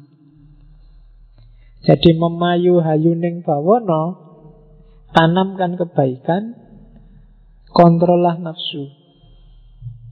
Jalannya gimana? Ikro. Bacalah realitas. Kalau di Jawa, membaca realitas itu lahir terminologi namanya ilmu titan. Alam semesta ini ada hukumnya. Untuk kita ngerti yang baik mana, yang buruk mana, titeni. Ilmu titen itu ilmu ingat-ingat. Bacalah sunatullah. Sunatullah ini nggak berubah, maka ingat-ingatlah. Kalau kamu males, ya nanti tidak sukses. Kamu akan bodoh. Kalau kamu tekun, rajin, kamu akan pinter. Ini ilmu titen. Titeni aja, diingat-ingat. Rumusnya tidak akan berubah kok. Itu yang kalau di Jawa namanya ilmu titen. Kalau musim kayak gini nanti hawanya kayak gini itu di Jawa lengkap. Di Jawa itu ada wuku, ada mongso, ada dino, ada weton, macam-macam. Itu jenis ilmu titen. Bisa merumuskan karakter orang bahkan dari model wajah, dari bentuk tubuh, dari andeng-andeng. Dari kalau orang Jawa adalah kalau andeng-andengnya di mana biasanya cirinya orang sekian. Kalau perempuan itu model rambutnya kayak gimana cirinya sekian. Model itu ilmu titen. Bahasa luasnya sunnatullah. Jadi caramu untuk berbuat baik dalam rangka memayu hayuning bawono apa? Baca sunnatullah itu yang disebut ilmu titan, ilmu, ya ilmu petung, memperhitungkan dan niteni. Hidup ini ada rumusnya. Jangan ngawur. Oke, ya niteni ini kan nanti kalau di barat melahirkan sain Ilmu pengetahuan sain yang luar biasa jadi modusnya orang barat itu kan gara-gara ilmu titen. Pinternya mereka membaca fenomena-fenomena alam yang ajek. Kalau dia tidak ajak, tidak akan jadi sain. Karena dia ajak terus dititeni dan dirumuskan, lahirlah sain. Itu yang disebut memayu hayuning bawono. Oke, pacarmu sudah nelpon, dimarahi aku nanti usarap jam 10 eh. Sudah ditunggu sejak tadi. Oke, terus sedikit 10 menit ya tak jelasin ini agak rumit. Detik-detik terakhir harus lebih konsentrasi, agak jelimet. Ketuhanan. Ini ajarannya Dang yang Semar. Jadi ini yang saya sebut Jawa kuno, Jawa Jawa pra Hindu. Yang pertama konsep ketuhanannya Jawa itu sebenarnya sangat monoteis dan sangat sufistik mistik. Jadi katanya agama Prahindu itu biasanya Tuhannya namanya Sang Hyang Toyo. Karena Tuhannya namanya Sang Hyang Toyo, kadang-kadang agama ini disebut agama kapitayan. Apa sih Toyo? Toyo itu artinya suwung, awang uwung. Jadi suwung itu tidak bisa dijelaskan, tidak ada apa-apanya. Makanya Tuhan bagi agama kapita yakni Tuhan yang tan keno yang ngopo. Nggak bisa dijelaskan, nggak bisa dideskripsikan, nggak bisa dibayangkan, nggak bisa dipikir, nggak bisa dibanding-bandingkan. Dia adalah hampa. Jadi suwung itu hampa. Awang-awang. Tidak jelas. Tidak dilahirkan, tidak berawal, tidak berakhir, dan seterusnya. Statusnya maya, samar. Namanya disebut Sang Hyangto. Jadi yang maha hampa. Maka agamanya disebut kapitayan. Cuma Nanti dalam perkembangannya Tuhan yang maha hampa ini Dia apa mempribadi Memanifestasikan diri dalam nama dan sifat Yang terkenal nanti dua Contohnya mempresentasikan kayak gini loh Aku ini manusia Hakikatnya manusia Tapi hari ini ketika di sini Aku mempribadikan diri, mem representasikan diri sebagai seorang yang ngajar, sebagai dosen, sebagai guru.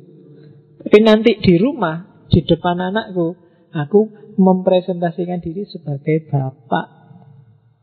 Tapi hakikatnya tetap manusia. Nah, Sang Hyang Toyo ini, yang maha hampa ini juga begitu.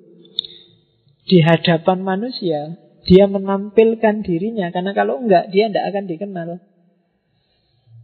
Kayak hadisnya Sufi itu loh. Kuntu kanzan mahfiyan fa'ahbabtu an u'rofa faholaktul hok faholaktul holko fabi arufini fabi arufuni jadi aku itu hasanah tersembunyi cuma aku ingin dikenal maka aku ciptakan makhluk dan lewat makhluk itulah kemudian mereka akan kenal aku jadi Allah sendiri yang memperkenalkan dirinya karena kalau Allah nggak memperkenalkan dirinya, orang nggak akan kenal dia. Kalau di Al-Quran kan dikenal Asma'ul Husna. Asma'ul Husna itu kan ketika Allah memperkenalkan dirinya. Nama kamu sebut terus nama-namanya. Nah, Sang Hyang Toyo ini juga begitu. Cuma yang dikenal dia jadi mempribadi. Mempribadi itu kayak tadi ya, memanifestasikan diri. Manifestasinya Sang Hyang Toyo itu namanya Tu atau To. Bandingkan dengan filsafat timurnya Cina yang kenal dengan Tao. Jadi ketika Tuhan mempribadi itu namanya Tu. Ada Tu yang baik ada tuh yang tidak baik. Jadi kalau gambarannya biasanya di naskahnya kayak telapak tangan. Ada punggung tangan, ada telapak tangan. Alam ini kan kualitasnya dua. Ada yang baik, ada yang buruk. Yang baik itulah nanti lahir istilah Tuhan. Kebalikannya, kalau ada yang jelek, yang jahat, Tuhannya dibalik jadi hantu. Iya. Jadi sifat tidak baik hantu. Hantu itu manifestasi ya sekarang kamu hantu kan konotasinya jadi wong mati. Bukan itu. Jadi hantu itu sang yang manik, manik moyo itu permata yang hayalan. Tapi ada orang lewat lewat hantu untuk ketemu Tuhan ada. Karena memang dia juga salah satu manifestasinya Tuhan. Makanya hampir semua simbol mistik Jawa itu kebanyakan pakai istilah tu, tugu, tumbal, tumbak, apalagi. Cari istilah tu, tumpeng, tu itu kan bisa dimaknai sakral semua yang ada tunya. Tunggul. Banyak tunya. Oke ya. Nah, ada orang yang bisa langsung ketemu Sang Hyang Toyo. Mungkin karena kepribadiannya kuat. Daya jelajah hikmahnya luar biasa para sufi misalnya, dia langsung ketemu Sang Hyang Toyo. Cuma ada yang tidak nyampe pikirannya. Dia butuh jembatan, jembatan sifat-sifatnya tadi, manifestasinya Tuhan. Ya yang level sang yang manik moyo tadi. Nah, yang langsung ke Tuhan itu nanti kalau di agama namanya monoteis, langsung ke Tuhan. Langsung ke Sang Yang Toyo. Tapi ada juga yang harus lewat banyak media. Namanya politeis. Ini yang bikin saya bilang tadi, kenapa Jawa itu agama kapita yang sangat adaptif? Hindu masuk, ya wis Hindu tidak apa-apa. Islam masuk, ya Islam. Kristen masuk Islam. Karena bagi mereka Hindu, Islam, Kristen itu simbol yang tadi. Itu hanya salah satu dari banyak manifestasi ketuhanan. Banyak nama-nama ketuhanan, sifat-sifat Tuhan yang memanifestasikan diri. Hakikatnya semua sama Sang Hyang Toyo. Di Arab dia turun dan dipahami orang sana dan lahirlah versi Islam. Mungkin juga lahir versi Kristen di India dia turun dipahami orang Arya di sana lahirlah versi Hindu. Dan di mata mereka macam-macam itu kan namanya politeis. Macam-macam orang dipahami tapi hakikatnya satu Sang Hyang Toyo. Maka kamu mau jadi Hindu, mau jadi Islam, jadi Kristen, monggo. Asal kamu sadar bahwa semua itu hanya label dan nama manifestasi Bukan salah, tapi itu manifestasi ketuhanan Tuhannya yang sejati itu Tuhan Toyo Yang hampa, yang awang upung Jadi jangan berhenti di label Jangan berhenti di sifat. Kamu harus kenal ke zat. Selama kamu masih berhenti di sifat, karakternya masih politeis. Masih macam-macam. Makanya kamu kan kadang bingung Islam itu wakeh mensing bener iki Syafi'i, As'ari, Hambali, Sunni, Syiah apa sing Karena kita ada di level sifat. Kita belum masuk ke level zat. Dan agama kapitayan sudah menjelaskan jauh sejak awal bahwa tidak apa-apa ada macam-macam. Karena kalau nggak ada macam-macam, kalau hanya suwung, orang susah kenal Tuhan. Maka ada manifestasi, tapi jangan berhenti di manifestasi. Oke. Nah, nanti ada istilah tuah dan tulah. Tuah itu kan tadi ada manifestasi manifestasi kebaikan, ada manifestasi kejelekan, kejahatan karena dunia ada dua dimensi. Mereka yang dapat kekuatan dari manifestasi-manifestasi yang baik, kekuatan ini namanya tuah. Mereka yang dapat kekuatan dari manifestasi-manifestasi yang negatif, kekuatan ini namanya tulah. Dan manusia yang bisa jadi pimpinan, apakah itu raja, apakah itu ulama, dia harus kalau tidak punya tuah, ya punya tulah. Harus punya kekuatan ketuhanan. Apakah kekuatan itu melalui tuah, melalui jalur kebaikan, ataukah melalui tulah, jalur negatif. Tapi biasanya dari situlah nanti dikenal istilah itu Tuwo termasuk apalagi tua itu kan kalau di Jawa orang tua. Orang tua itu tidak semata-mata orang umurnya banyak. Tapi orang yang sudah punya tua. Jadi punya tua itu dia punya daya, punya kekuatan dari Sang Hyang Toyo tadi, dari jalur kebaikan. Makanya kadang-kadang kalau masih muda pun kalau kualitasnya luar biasa, dia dianggap oh golek wong tua. Kadang-kadang golek ke wong tua itu bukan kok sing tua yang sudah umurnya banyak. Tapi tua yang sudah mateng spiritualitasnya. Jadi jangan salah kalau ada tetanggamu misalnya di kos-kosan nyari golek ke wong tua le itu jangan kok carikan orang yang wis tua tunuk-tunuk tidak bisa jalan maksudnya bukan itu cariin orang pinter dan orang kalau orang Jawa ngomong orang pinter itu bukan orang yang IP-nya 4 jadi Iya, jadi nanti ono bapak kosmu bilang le aku boleh ke wong pinter le. Oh, tenang aja pak, tak profesorku nanti tak ajak ke sini.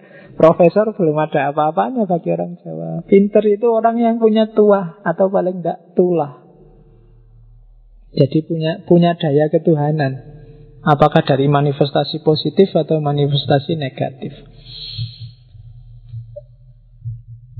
Terakhir, tak jelasin cepet-cepetan Ada empat golongan manusia di agama kapitayan Yang pertama manusia yang tutup Tutup ini ringkesnya para wali Para mistikus Orang-orang yang bisa langsung nyampe ketemu Tuhan Sendiri dengan kekuatannya sendiri di pikirannya sudah nggak ada dunia.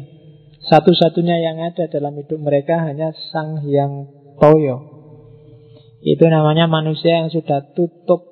Tutup itu kan artinya nyampe sempurna. Ada manusia level 2. Manusia tuhu. Manusia tuhu ini kayak manusia tutup. Tapi tidak setinggi tutup. Karena manusia tuhu ini masih memimpikan sesuatu yang bukan toyo, sesuatu yang bukan sang hyang toyo. Misalnya masih mimpi hidup enak di surga.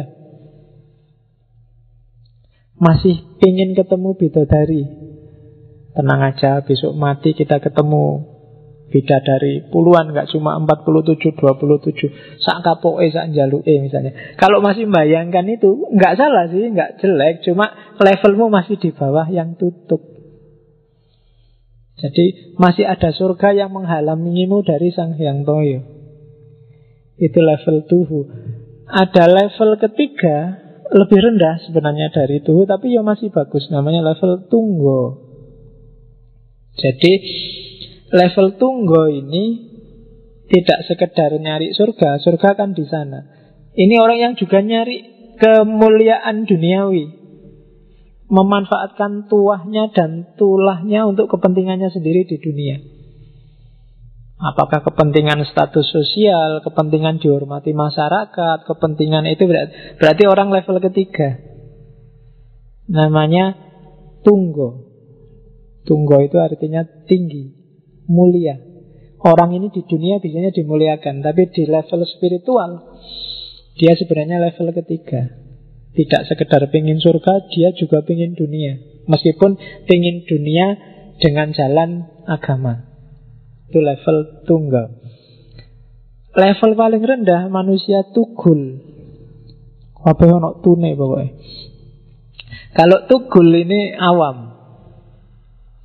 Nah, karakternya tugul itu ada kalimat adalah tutut. Tutut itu orang yang cuma ikut. Bisanya dia taklid. Orang ini tidak terlalu ribut dengan sang hyang toyo apa-apa Yang penting dia nyari kebutuhannya di dunia. Jadi orang ini nggak bisa Kalau menyembah Tuhan Dia butuh perantara. Akalnya nggak nyampe. Jadi dia butuh tu yang lain. Biasanya tunya untuk menggambarkan materi di naskahnya disebut waktu Dia butuh waktu sehingga di kuil-kuil kadang-kadang ada kuilnya dewa siapa, terus ada patungnya. Itu sebenarnya untuk makom-makom tugul. Karena dia tidak bisa kalau nggak ada gambarnya. Kalau nggak ada perantaranya, akalnya nggak nyampe. Nah itu manusia level keempat.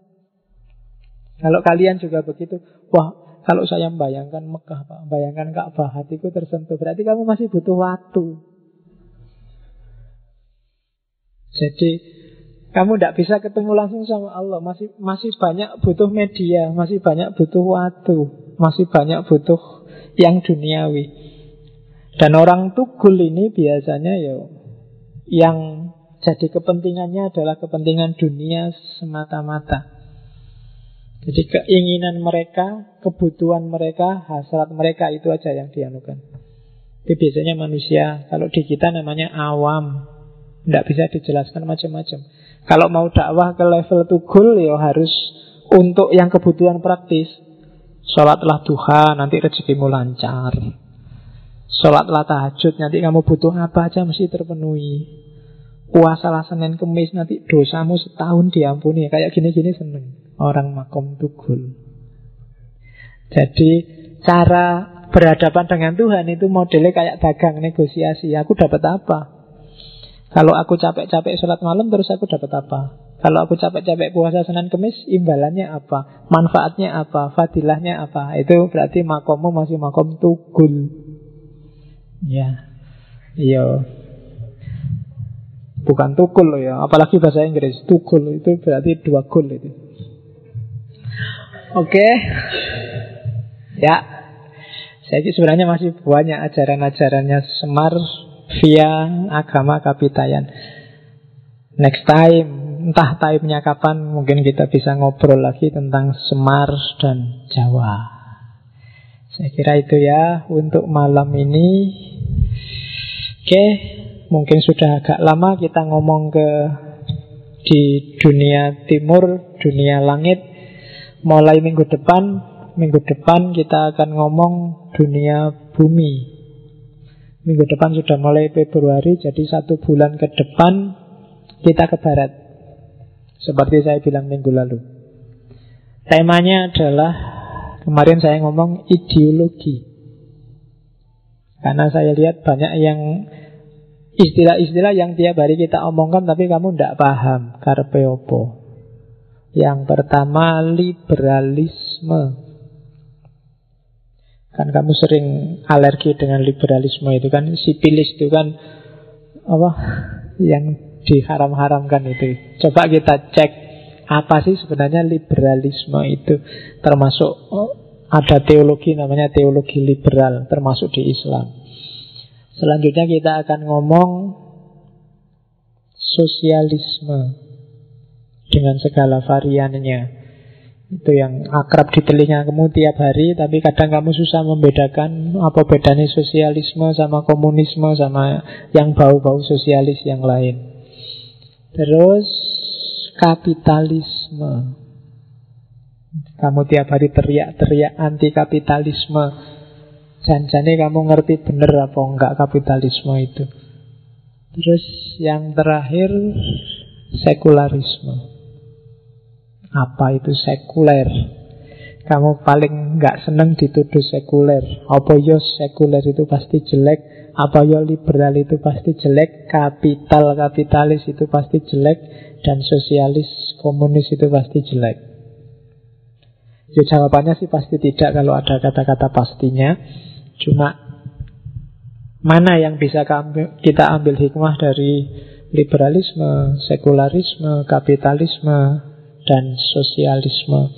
Jadi setelah Januari kita ngomong tentang langit, minggu depan kita ngomong, bulan depan kita ngomong ideologi empat kali.